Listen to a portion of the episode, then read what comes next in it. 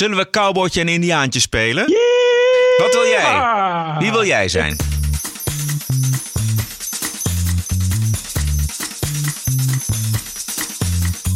This is the TPO podcast. Ranting and Reason. With Bert Brusson and Roderick Phalo. De moordenaar van Pim Fortuyn, Volkert van de Graaf, wil emigreren. IS leert hele gezinnen zich op te blazen. Paul Rozemuller op de bres voor hoge salarissen. Zwarte Amerikaan op de bres voor Trump. En Donald J. verplaatst zijn ambassade naar Jeruzalem. May there be peace. May God bless this embassy. May God bless all who serve there. And may God bless the United States of America. Welkom, aflevering nummer 67. This is the TPO podcast. Een zeer goedenavond, Bert Brussen. Een zeer goedenavond, Roderick Velo. Goed, wat heb je vandaag gedaan? Uh, in de zon gezeten. Het is eindelijk weer eens een beetje mooi weer. Het is hier in het noorden van het eiland langs slecht. Alhoewel het in het zuiden ook niet zo best is dit jaar. Maar uh, ik heb in de zon gezeten.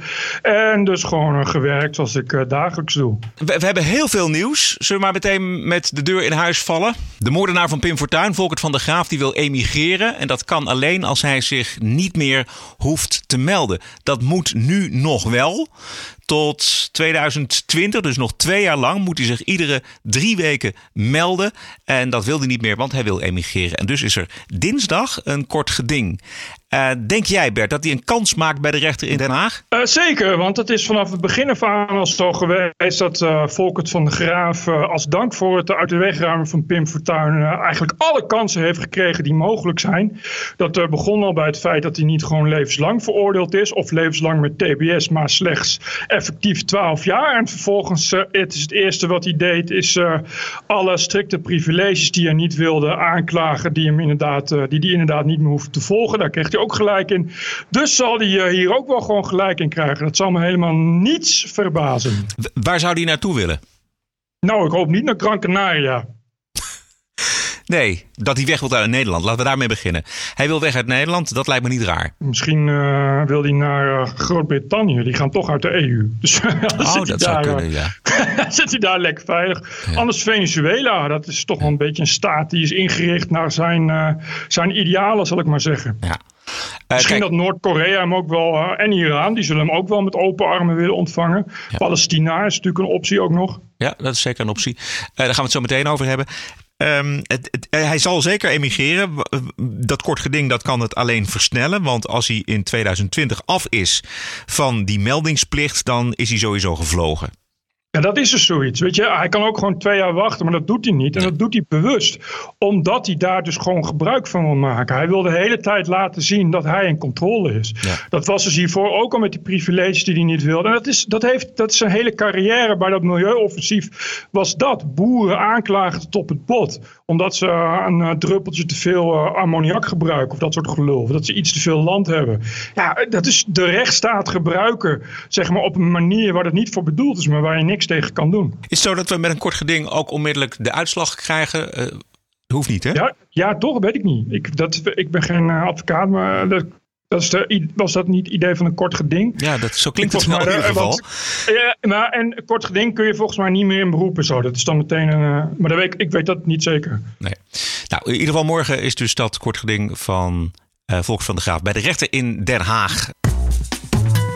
De staat Israël viert deze week zijn 70ste verjaardag. Uh, Ivanka Trump die opende de nieuwe Amerikaanse ambassade in Jeruzalem. On behalf of the 45th president of the United States on America, we welcome you officially and for the first time to the embassy of the United States here in Jerusalem, the capital of Israel. Ja, tegelijkertijd uh, gevecht aan de grens uh, tussen Gaza en Israël. Het is nu maandagavond, bijna 50 doden en 1600 gewonden. Uh, Bert, Twitter loopt vol met het, het contrast. Hè. Twee foto's, één van de gevechten bij Gaza en één van Ivanka Trump in Jeruzalem. Ik weet niet helemaal waarom, waarom er zoveel doden zijn. Wat ik begrijp is dat die luis aan het protesteren bij een of ander hek. En die zeggen niet naar het hek en die gaan dan naar het hek. Ja. En die proberen, weet je, ik, ik, dat, ik, mij ont, de, een raar fanatisme van die Palestijnen. Het is toch een beetje stenen en molotov cocktails tegen tanks. Waarvan je van tevoren had al kunnen weten dat je dat ging verliezen. Ja, precies. Ze hebben, ze, hebben dat, ze hebben al een keer een soort van generale meegemaakt natuurlijk bij de opstand een paar weken geleden. En daar zie je ook al dat het een volstrekt ongelijke strijd is. En dan wordt er gezegd, ja, maar ja, eh, zij hebben het recht om te demonstreren. Maar het gaat wel met, met van dik hout zaag men planken. Met, met het, in de fik steken van eh, grote hoeveelheden banden. En met name, en volgens mij is het dat de linker soep daar aan die grens. dat, dat als je gaat morrelen aan, aan dat prikkeldraad en, en aan die grens. Ja, dan komt eh, het Israëlische leger in actie. Want eh, dat kunnen ze niet over hun kant laten gaan. Ze, die, die, die grens moet dicht blijven. Nee, ja, het is op zich, volgens mij, die mensen die worden doodgeschoten, is niet dat ze niet weten waar ze mee bezig zijn. Nee. Ik bedoel, was wel, want je, je mag wel demonstreren, maar niet hier. Zo, want dan gaan we schieten. Ja, Maar niet op die ik- manier. Maar ik, maar ik, ik weet je, ik vind het altijd zo moeilijk. eh, ik denk ook van, ja, waarom moet je al die mensen meteen doodschieten? Je kan ze ook gewoon eh, met een waterkanon of grindkanon, weet ik veel wat. Ja, of rubberkogels of zo. Volgens mij Maar, zijn ja, die maar ja, ik, ik, weet gewoon niet wat, eh, hoe, hoe, wat, wat de rules of engagement zijn. Weet je, misschien zijn het ook wel allemaal lui die, eh, waarvan ze bang zijn dat ze explosieven hebben of zo. Of ja, ja, het zal toch ook wel een soort van serieus machtsvertoon zijn. Echt toch wel, of inderdaad letterlijk, dit is gewoon de grens. Ja. En wij schieten. En wat, maar wat mij op, opvalt, dat vind ik altijd wel beangstigend, is dat rare fanatisme van die lui. Die er gewoon als blinde lemmingen op aflopen. ja. Dus weet je, zo van ja, ze kunnen wel schieten, maar ik ga het toch doen maar alsof je daar wat mee bereikt. Weet je, het is wel zinloos bloedvergiet op deze manier. Ook, ook vanuit die Palestijnen zelf, zeg maar. Heb jij er iets mee met eh, 70 jaar Israël? Nee, niet zo heel veel. Ik, ik volg het al. Ja, ik volg het eh, eh, een beetje dit. En, eh, ja, nee, het is niet dat ik daar specifiek iets mee heb eigenlijk of zo. Nee, nooit, nooit Ja, gehad ook. ja, ja, wel nee. Nee, ik ben nooit... Eh, Ik heb nog wel de tijd meegemaakt, met name de jaren zeventig, dat Israël eigenlijk eh, niks verkeerds kon doen. In alle oorlogen die er gevoerd zijn met eh, de Arabische buurlanden, was Nederland altijd ehm, ja, over de hele linie voor Israël. Nederland heeft ook Israël gesteund, volgens mij met materieel. Er zijn ook mensen, Nederlanders, Ja. gaan vechten in, in, in Israël tijdens een aantal van dat soort oorlogen. Dus in de jaren zeventig en begin jaren tachtig was toch altijd Israël was ehm, boven alle twijfel verheven. Eh, en was het inderdaad die kleine Joodse staat eh, in die zee van Arabische landen. En in de jaren, eh, eind jaren 80, begin jaren 90 is daar de verandering in gekomen. En is het nu bijna helemaal de andere kant op gegaan. Hè? Je kunt bijna Ja. niet meer met goed fatsoen tussen aanhalingstekens zeggen dat je onvoorwaardelijk achter Israël staat. Nou ja, het is ook verschoven naar, ehm, een, weet je, naar, naar een soort nieuw antisemitisme, wat dan gebaseerd is op de Palestijnse kwestie. Terwijl je daar inderdaad, in de jaren zeventig was er natuurlijk helemaal niemand die dat, die dat zei. Daar, daar was natuurlijk wel kritiek. Maar kijk, goed, dan kwam, kwam meer uit de hoek van Mintjan Faber of dat soort dingen, weet je wel. Uit een soort, soort, van, soort van rare spirituele hoek. En nu is het een beetje inderdaad bijna standaard bonton om dat beleid te kritiseren. Uh, en daar ook bijna een soort van antisemitisme op te baseren. Waar, we natuurlijk nooit zo heel erg gehad hebben, omdat we daar altijd heel erg voorzichtig mee waren. Maar ja, goed, in de jaren zeventig uh, was toch niet zo heel lang geleden dat Eichmann was uh, veroordeeld, zou ik maar zeggen. Wat ik heel treurig vind van de geschiedenis is eigenlijk dat alle mensen die een beetje richting een oplossing gingen, dat die uh, vroegtijdig zijn omgelegd. Hè? Als je kijkt ja. bijvoorbeeld naar, ja. naar Sadat in, in Egypte, die is natuurlijk omgebracht. Uh, we hebben natuurlijk Rabin, die door een extremistische Israëliër om het leven is gebracht op het moment dat hij eigenlijk een hand uitstak naar de Palestijnen. En we hebben het ook gezien bij Sharon. Hè? Want Sharon was natuurlijk de Maar Sharon die heeft uh, de eerste zet gezet richting Palestijns zelfbestuur in Gaza. Daar kreeg hij heel veel kritiek op. En Sharon is uh, toen niet, niet omgelegd, maar hij verkeert nog steeds in een soort van in coma geraakt.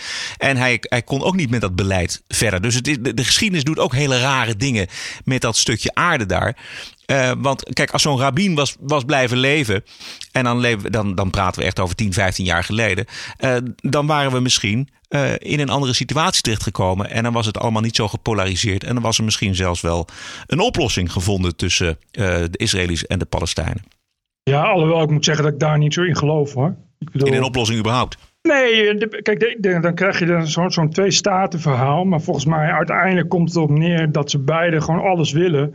Um, in elk geval, ja, weet je, wat ik zeg, als je, als, je, als je idee is dat je van alle Joden af wilt, dan kun je ook niet met twee staten leven. Nee, dan je maar gewoon dat- dat staten moet- verder worden Ja, uitgeroeid. maar dat, dat moet je dan overboord zetten. Want de, de, de, de keuze is heel simpel. Of je, je leeft in vrede en je, en, je, en je deelt het land. Of eh, je deelt het land niet en dan blijf je tot in lengte van dagen in eh, oorlog leven met elkaar. ja, maar met, ja. met alle veiligheidsproblemen van dien. Bedoel, het is één van de twee.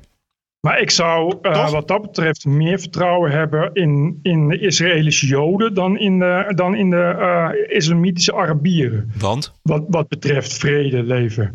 Ja, omdat eh, weet je, hun, eh, zij baseren zich op, op een islam die daar volgens mij helemaal niet zoveel ruimte in toestaat. Terwijl Israël gewoon vindt dat ze daar moeten wonen. Dat dat, Nee, maar dat, je- dat ooit zo is besloten. Ja. Nee, maar Israël heeft natuurlijk ook gewoon eh, eh, vrede gesloten met bijvoorbeeld een land als Jordanië, met Ja. Egypte. Eh, ze hebben redelijk goede betrekkingen, een beetje onder de radar door met Saudi-Arabië. Dus er zijn wel degelijk verbindingen te leggen tussen Joden en, en Arabieren. Ehm, maar als het gaat om de Palestijnen en om de wrok die er heerst bij Palestijnen, niet zonder reden, ja, dan zul je toch, ehm, dan zul je toch de boel een beetje moeten opdelen. En als je daar niet toe bereid bent eh, van beide kanten, dan blijft het oorlog. Nou ja, ik heb daar een hard hoofd in dat dat ooit gaat lukken. Mede ook omdat het gebaseerd is op eh, toch uiteindelijk gewoon religieuze gekte. Weet je, het is natuurlijk, natuurlijk eh, het is gebaseerd op, op een soort absolute waarheidsclaims. Dat je gewoon recht hebt, letterlijk op de bodem die daar is. En ja, daar, daar valt natuurlijk verder niet rationeel tegen op te, tegen op te winnen. Op geen, en- op geen enkele manier. Als je ook ziet, weet je, eh, eh, beide zijn natuurlijk radicaal. Maar ja, die Joden hebben ook e- extreem radicale. Die kolonisten, weet je, die zitten gewoon ja, een soort verschrikkelijk leven in een gebied waar je, waar, je, waar je eigenlijk niet mag zijn. Waar je dan eigenlijk een soort nederzetting bouwt. Waarvan je weet dat, dat mensen dat niet willen. En, en als je dan zegt van waarom doe je dat? Ja, het is gewoon mijn geloof. Ik bedoel, ja, die kan, je kan verder met die mensen kun je dan niet nog een keer een discussie aangaan of zo. Nee, nee, dat is verschrikkelijk aan het geloof. Eh, over het geloof gesproken. Het zijn eh, ouderwetse terreurdagen. Sommige mensen geloven dat die vanzelf voorbij gaan als je er niet over spreekt. Nou, dat geloven wij niet. Ehm, eerst even Indonesië, Bert. Vader, moeder, kinderen, die hebben zich opgeblazen. Maandag bij een hoofdbureau van politie. En zondag kregen twee kerken een dergelijk familiebezoek. Dertien christenen uit Sur- Surabaya die werden meegenomen de dood in.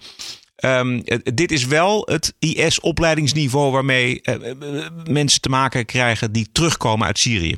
Yep. Je raadt nooit welke eh, werelddeel ook te maken krijgt en heeft met eh, mensen die terugkeren uit Syrië. Precies. De, E- de EU. Ja, de Europese Unie. Eh, Harold Dorrenbos die twitterde daarover. over. Hij eh, schreef ook belangrijk om dit mee te nemen in de Nederlandse discussie over het terughalen van IS, kinderen en families. Indonesië haalde Ja. haar Syriëgangers terug. Dat hebben ze zelf gedaan, inclusief vrouwen en kinderen. En daders waren dus ex-Syriëgangers, één familie, eh, vader, moeder en kinderen. Van 9, 12, 16 en 18 jaar oud. Ja. ja, goed. Kinderen zijn natuurlijk makkelijk te manipuleren. Dat is dan toch een voordeel, nietwaar? Nou ja, we hebben toch net een discussie gehad over terugkerende Syrië, Syrische kinderen en dat soort dingen. Ja. En we hebben toch al heel lang eh, al eh, het verhaal moeten aanhoren dat we ons verloren zoon in de armen moeten sluiten en eh Syrië strijders de hand moeten reiken en weet ik veel wat. Nou, je ziet dan eh, wat er gebeurt. Het is een, eh, een, een volledig nieuw, eh, een volledig nieuw eh, niveau van geweld is erbij bedacht. Omdat ze ook bij ISIS steeds wanhopiger worden. Dus nu krijgen we gewoon eh, hele gezinnen die tegelijk martelaar worden. Dat zal waarschijnlijk eh, extra punten opleveren in het hiernamaals. Dus waarom ook niet? Dus nu, wat je bedoel, in Indonesië krijg je dus in plaats van eh, dat dat één plek is, gewoon meerdere plekken tegelijk. Dat- Dus je hebt ook inderdaad meteen eh, heel, veel, heel veel doden tegelijkertijd. We weten nog niet of, of dat, daar zullen we ook niet achter komen, of die kinderen ook daadwerkelijk wisten wat ze bij zich droegen. Nee, dat ga je ook niet weten. Maar ja. Nee. Het, ik bedoel, het is nog niet dat we, bedoel, we kennen ook het fenomeen kindsoldaat al heel lang. Dus het lijkt mij dat je, als, het lijkt me ook niet heel moeilijk om, om als je opgroeit. Hè, ik weet niet hoe lang die mensen er geweest zijn, maar als het kinderen van 12, die, die zijn natuurlijk van jongs af aan al in de ISIS school eh, opgegroeid. Het lijkt me niet echt een probleem om dan iemand zo te indoctrineren, indoctrineren dat ze zichzelf opblazen. Eh, maar goed, neem Hitlerjugend. Je wilt geen Godwin maken, maar goed, dat is toch altijd wel de meest makkelijke vergelijking. Daar ging het ook prima mee. Dus dat, dat hoeft natuurlijk geen enkel probleem te zijn. En afgelopen weekend maakte Parijs mee wat Den Haag een week eerder heeft uh, meegemaakt. Een om zich heen stekende man van religieuze aard. Alleen uh, verstaan de Franse autoriteiten, die verstaan alle akbar beter dan de politie en burgemeester van Den Haag. Het terreurmotief uh, was de Fransen eigenlijk onmiddellijk duidelijk. In Den Haag wordt daar nog op gestudeerd. Maar de teller in Frankrijk staat dan ook al op 245 doden in naam van de godsdienst van de vrede. En Nigel Farage die schetste het megaprobleem in Frankrijk. was conducted by somebody who came to France as a child refugee. So, you know, the first thing you have to say is whilst we want to be compassionate human beings, we have to be careful about who we grant refugee status to, who we let into our countries. But the second point, and here's the really important thing, is he was already on a suspect list. He was on a list of somebody who was a potential danger to the French state.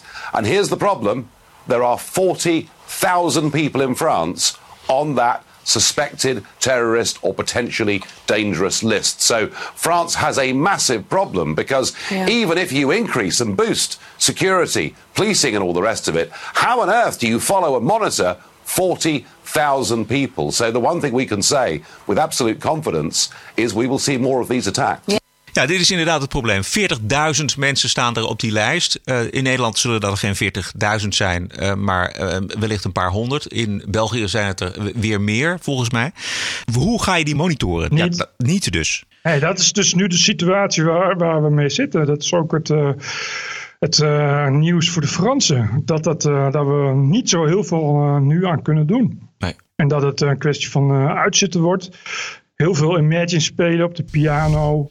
En Sting uh, Inshallah laten zingen. En dan komt het vanzelf allemaal wel goed natuurlijk. Dat Ja. begrijp je. Of het er niet over hebben. Het zo min mogelijk, dat is uh, heel belangrijk. Maar ik zag dat uh, dat ook helemaal niet hoeft. Uh, want afgelopen zaterdag, ik heb dit nieuws gedaan op TPO. Toen de Allah Akbar, dat was heel snel bekend. Een, een journalist die wist meteen al dat het Allah Akbar was geroepen. Maar, uh, In, de, in Den Haag? in, in, nee, in Frankrijk, Ja. in Parijs. Maar er was tegelijkertijd ook Eurovisie Songfestival. Dus je begrijpt dat uh, ja, voor de meeste mensen was er iets veel belangrijkers. Namelijk het Eurovisie Songfestival. Dus uh, ja, het is ook niet, uh, weet je, je hoeft het eigenlijk ook niet eens meer te verbergen. Mensen die uh, nemen het nieuws toch al niet meer tot zich, want uh, Welon staat te zingen. Dan wil je natuurlijk ook niet weten wat er onder de naam van de religie van tolerantie en vrede wederom in het centrum van Parijs gebeurt. Dus ik zie dat ook wel de komende maanden, zo niet jaren, wel gebeuren. Dat, ja, ik weet niet, het, is, uh, het, gaat ook steeds sneller qua schouder ophalen. Dus het hele betoog van uh, al die crypto-communisten die de hele roepen dat we het uh, vooral niet meer op de voorpagina's moeten zeggen, dat gaat eigenlijk ook niet meer op.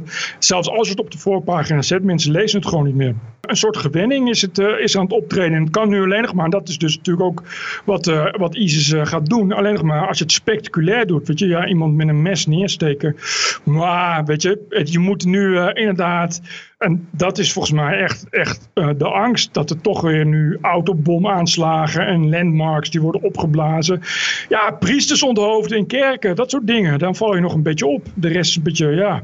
Ja, kijk, luister, vier mensen neersteken in een drukke winkelstraat in Parijs. Dat uh, weegt gewoon niet op tegen de fantastische inclusiviteit van uh, de Israëlische Songfestival deelnemster. TPO Podcast.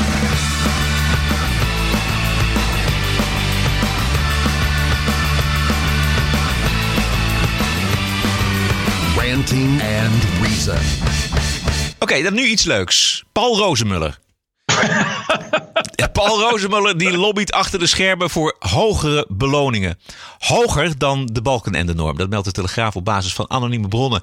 Het, het gaat feitelijk om het salaris van Merel van Vroonhoven. Zij is voorzitter van de Autoriteit Financiële Markten, de AFM. En Rozemuller is daar voorzitter van de Raad van Toezicht. En zij, die mevrouw die verdient nu 220.000 euro per jaar. En dat moet minimaal zo blijven. Uh, zo zou uh, Rozemuller beweren. Het ligt voor de hand, Bert, om dat in strijd te vinden met de GroenLinks-opvattingen over hoge salarissen. Helemaal niet. Dit is juist hoe we Rozenmuller kennen. Dit is iemand die op de best staat voor de allerzwakste. Hè? Om de mensen die moeite hebben de eindjes aan elkaar te knopen. Om dat toch net dat beetje extra te geven. Je moet toch niet aan denken dat die mevrouw van de AFM straks minder dan 2,5 ton verdient. Wat moet ze dan met de kerst, met haar gezin? Weet je, waar moet ze dan, uh, hoe moet ze dan zes keer per jaar op vakantie? Dan heb je straks een glazen huis nodig voor die arme medewerkers uh, van de AFM. Dus, en Paul Rozemuller is iemand die dat gewoon haarfijn aanvoelt. Die ook echt met zijn poten in die modder staat van mensen die net te weinig verdienen. Die geeft je dan net een extra stukje, een extra zetje. Dus dan zeg ik, ja, dit is GroenLinks ten voeten uit. Dit is gewoon echt dat extra sociale, die sociale voelspriet die GroenLinks hebben, zie je hier nu in werking. Ja. Die heeft, uh, dat is natuurlijk een telg uit een... Uh Heel rijk Steenrijke families, precies. Hij, zijn zijn uh, door quote die um, raamde zijn vermogen uh, vorig jaar op 9 miljoen. En um, hij komt natuurlijk van de familie uh, Rozenmuller, maar ook, hij heeft ook connecties met Dreesman en met Veemeijer. Ik weet niet, wat, wat doen de Rozenmulletjes van huis uit? Um, weet ik niet. Oh, haven. Nee, haven. Ja, haven toch? Ja, precies. Ja. het is toch een havenbonzen ja. en uh, dat soort ja. dingen. Ik, ik heb even gezocht of ik Rozenmuller kon vinden in het archief. Um, uh, fel strijdend tegen hoge salarissen, maar dat heb ik niet kunnen vinden. Hij vroeg wel destijds als politicus om iets te doen tegen hoge beloningen. En in linkse kringen heet dat dan vooral solidariteit. Ja, het is natuurlijk te gek dat we het voor een paar honderdduizend mensen zo ver hebben laten komen dat er armoede ontstaat. Dat vraagt, dat schreeuwt feitelijk in het belang van die mensen op een oplossing. En de oplossing ligt hem erin dat we een beroep doen op de solidariteit van werkenden die wel een zeer goed inkomen hebben. En ik vind ook dat wij als politici, wij als overheid ervoor moeten zorgen dat je telkenmalen een beroep op die solidariteit kunt blijven doen. Dus Dit dat bedoel ik. Als je nu luistert en je bent, bent gewoon een gemiddelde medewerker van de AFM. Jouw loon, wees een beetje solidair met mevrouw Merel. Weet je, jouw loon kan ervoor zorgen dat ook Merel gewoon een beetje leuk nog uit kan gaan straks met haar, met haar familie. De Nobelprijs voor de Vrede is uh, al zo'n beetje onderweg naar Washington. Want uh, de grote Amerikaanse Noord-Korea-top in Singapore is aanstaande. Het gaat allemaal uh, heel hard. De nieuwe minister van Buitenlandse Zaken, Mike Pompeo, die ging op bezoek bij Kim Jong-un. Een soort van voorgesprek is dat. En dit is wat hij er zondag over zei tegen Chris Wallace op Fox. Uh, the conversations are professional. He knows, he knows his brief. He knows what, the, what he is trying to achieve for the North Korean people. He's able to deal with complexity when the conversation requires it. Uh, he does follow the Western press. He'll, he'll probably watch this show at some point. Uh, he's paying attention to things that the world is saying.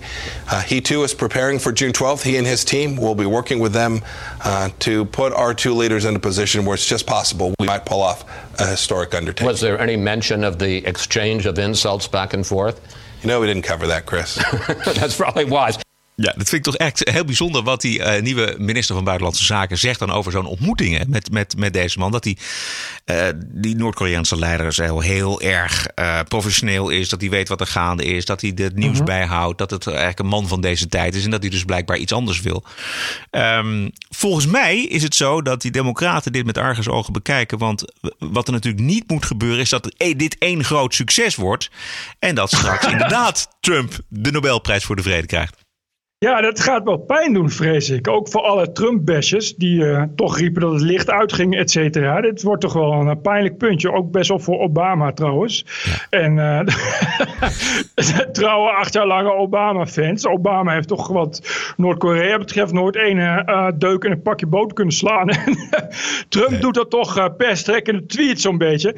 Dus ja, dat wordt wel lastig. Maar ik moet zeggen dat ik er wel, ja, ik, ik weet het niet. Is die, bedoel, moeten we niet eerst zien en zo. Want ja, ik, ik, die, die, die, die Kim Jong-un en die hele, die hele dynastie Forum... die hebben wel vaker uh, samen met Zuid-Koreanen hand in hand gestaan... Uh, roepen dat het vrede is.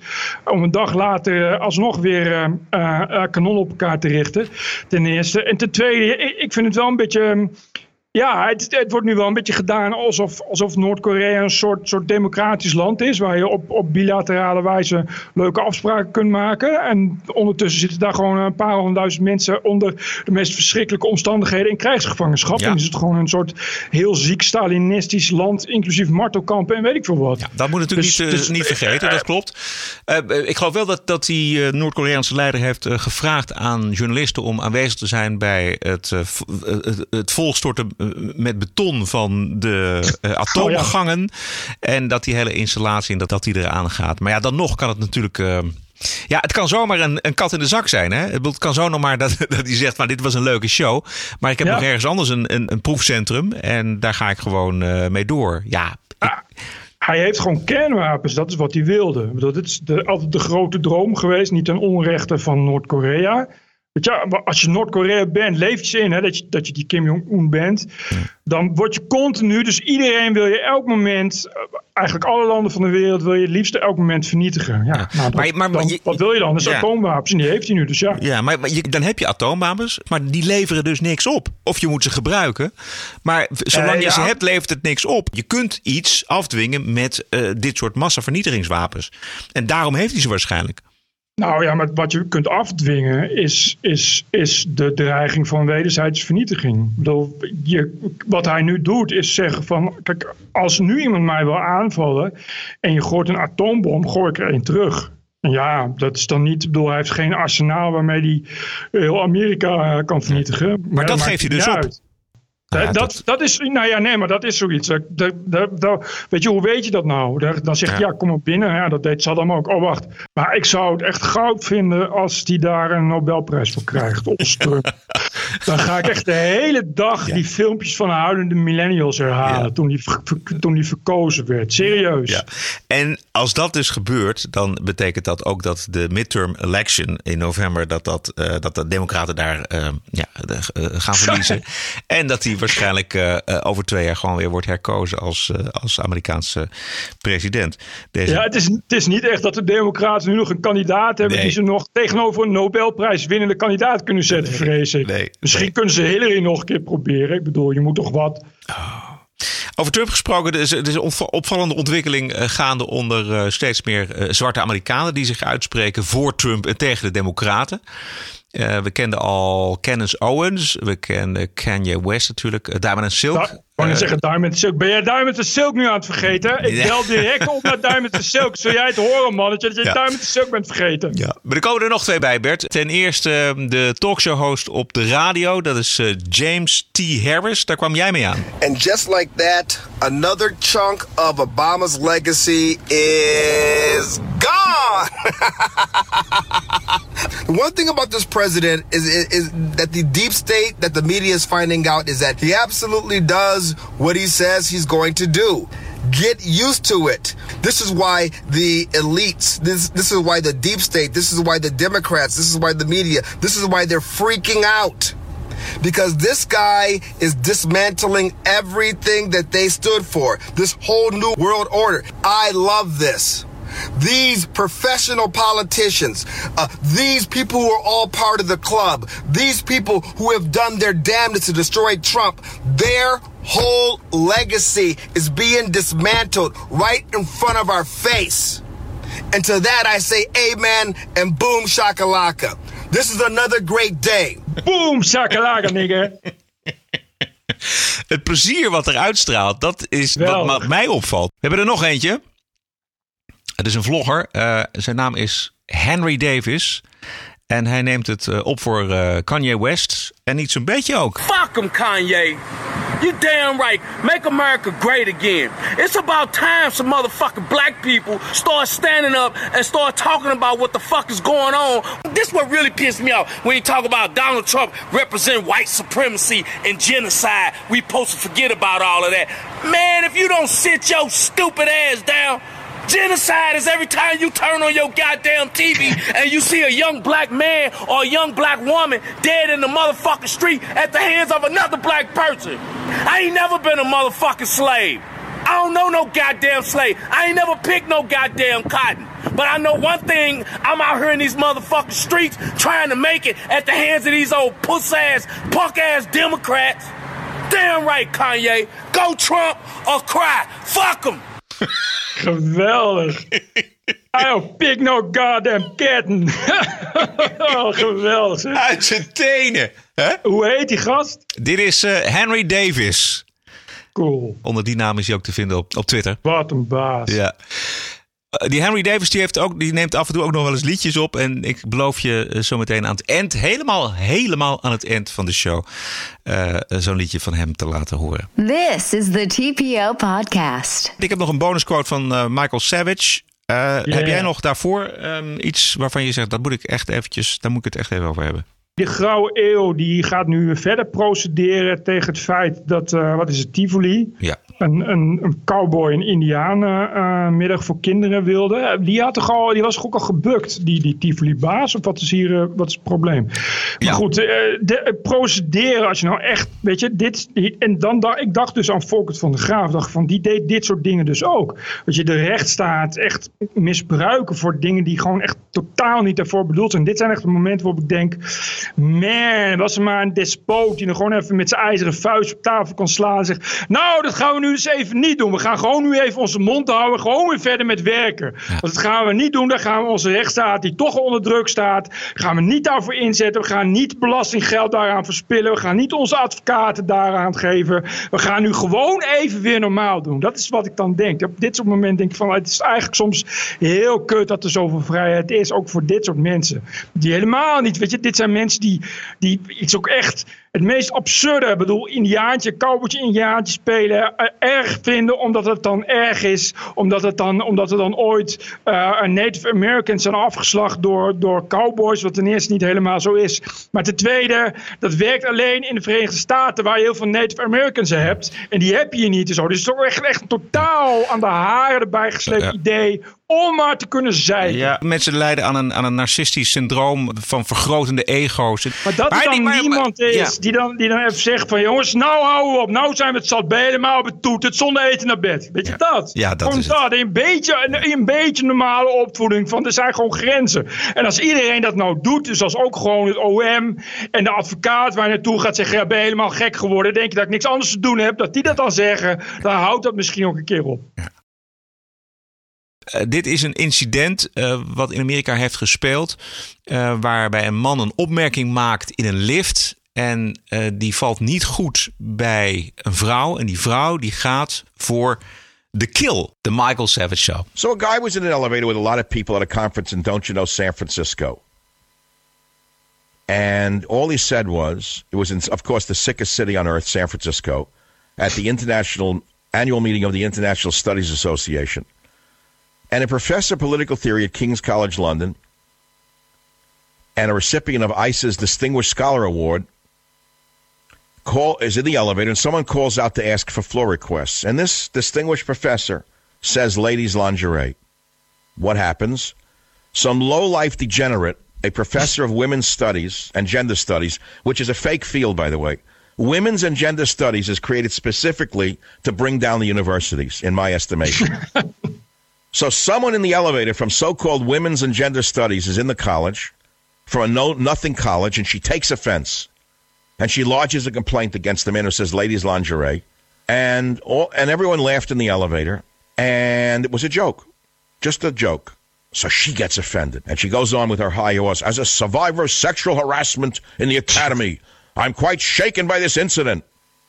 And then he she wants a written complaint and he says i certainly had no desire to insult women and to make you feel uncomfortable but that wasn't enough for the woman she wants him thrown out when thousands of young Christian and Yazidi girls were being raped around the clock by the Muslim fanatics in ISIS, all these hypersensitive feminists had nothing to say about the young girls who were raped around the clock by armies of degenerates in ISIS. but if someone says something in an elevator, oh, there they are, Jenny on the spot. There she is, offended and ready to roll. That's the real problem, not the girls being raped by the Muslims. Not the gays being thrown off the roof by the Iranians. No, the real problem is a man saying ladies' lingerie in an elevator. Sad, sad, sad, but true. Yeah. Damn, motherfucker. Ja, ik, hij, hij zegt eh, precies eh, wat ik ook zou zeggen. Ja. Zeker ook over vrouwen- en genderstudies. Die zijn bedacht om de universiteit kapot te maken. Klopt. Hoe bestaat het toch dat ze überhaupt bestaan? Dat dat een wetenschap is? Het is gewoon een fopwetenschap, gewoon volledig. Je hebt ook een hele goede serie, ik weet niet meer hoe die heet. Het is een, uh, uh, ja, een, een Zweedse serie, Brainwash, maar dan in het Zweeds geloof ik. Uh, en die gaan dan met al, want is, Zweden is, is natuurlijk het, het mekka van, van al dat soort gelul, van, van de fopwetenschappen. En die gaan dan elke aflevering gaan ze met de interviews de Zweedse wetenschappers. Dus krijg je allemaal van die, van die wijven die dan al die soft shit verkopen. En dan gaan ze mee naar Amerikaanse wetenschappers. En het is super grappig. Die maken dat gewoon helemaal kapot. Ook echt binnen drie zinnen. Dat nee, is niet waar. Kijk maar, staat hier. Precies. Dit was aflevering nummer 67. Wilt u onze podcast ondersteunen? Dat waarderen wij zeer. Dat kan met een donatie. Ga naar tpo.nl slash podcast. Heb een mooie week en tot de volgende beurt. Ik heb honger. Ik ga eten maken. TPO Podcast. Bert Brussen, Roderick Balo. Ranting and Reason.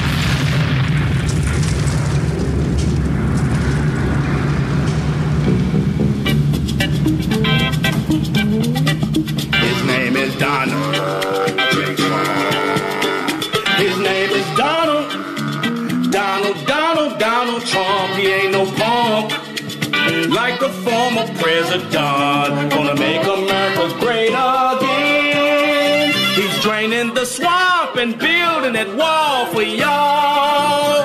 President US of A. Stop the Democrats.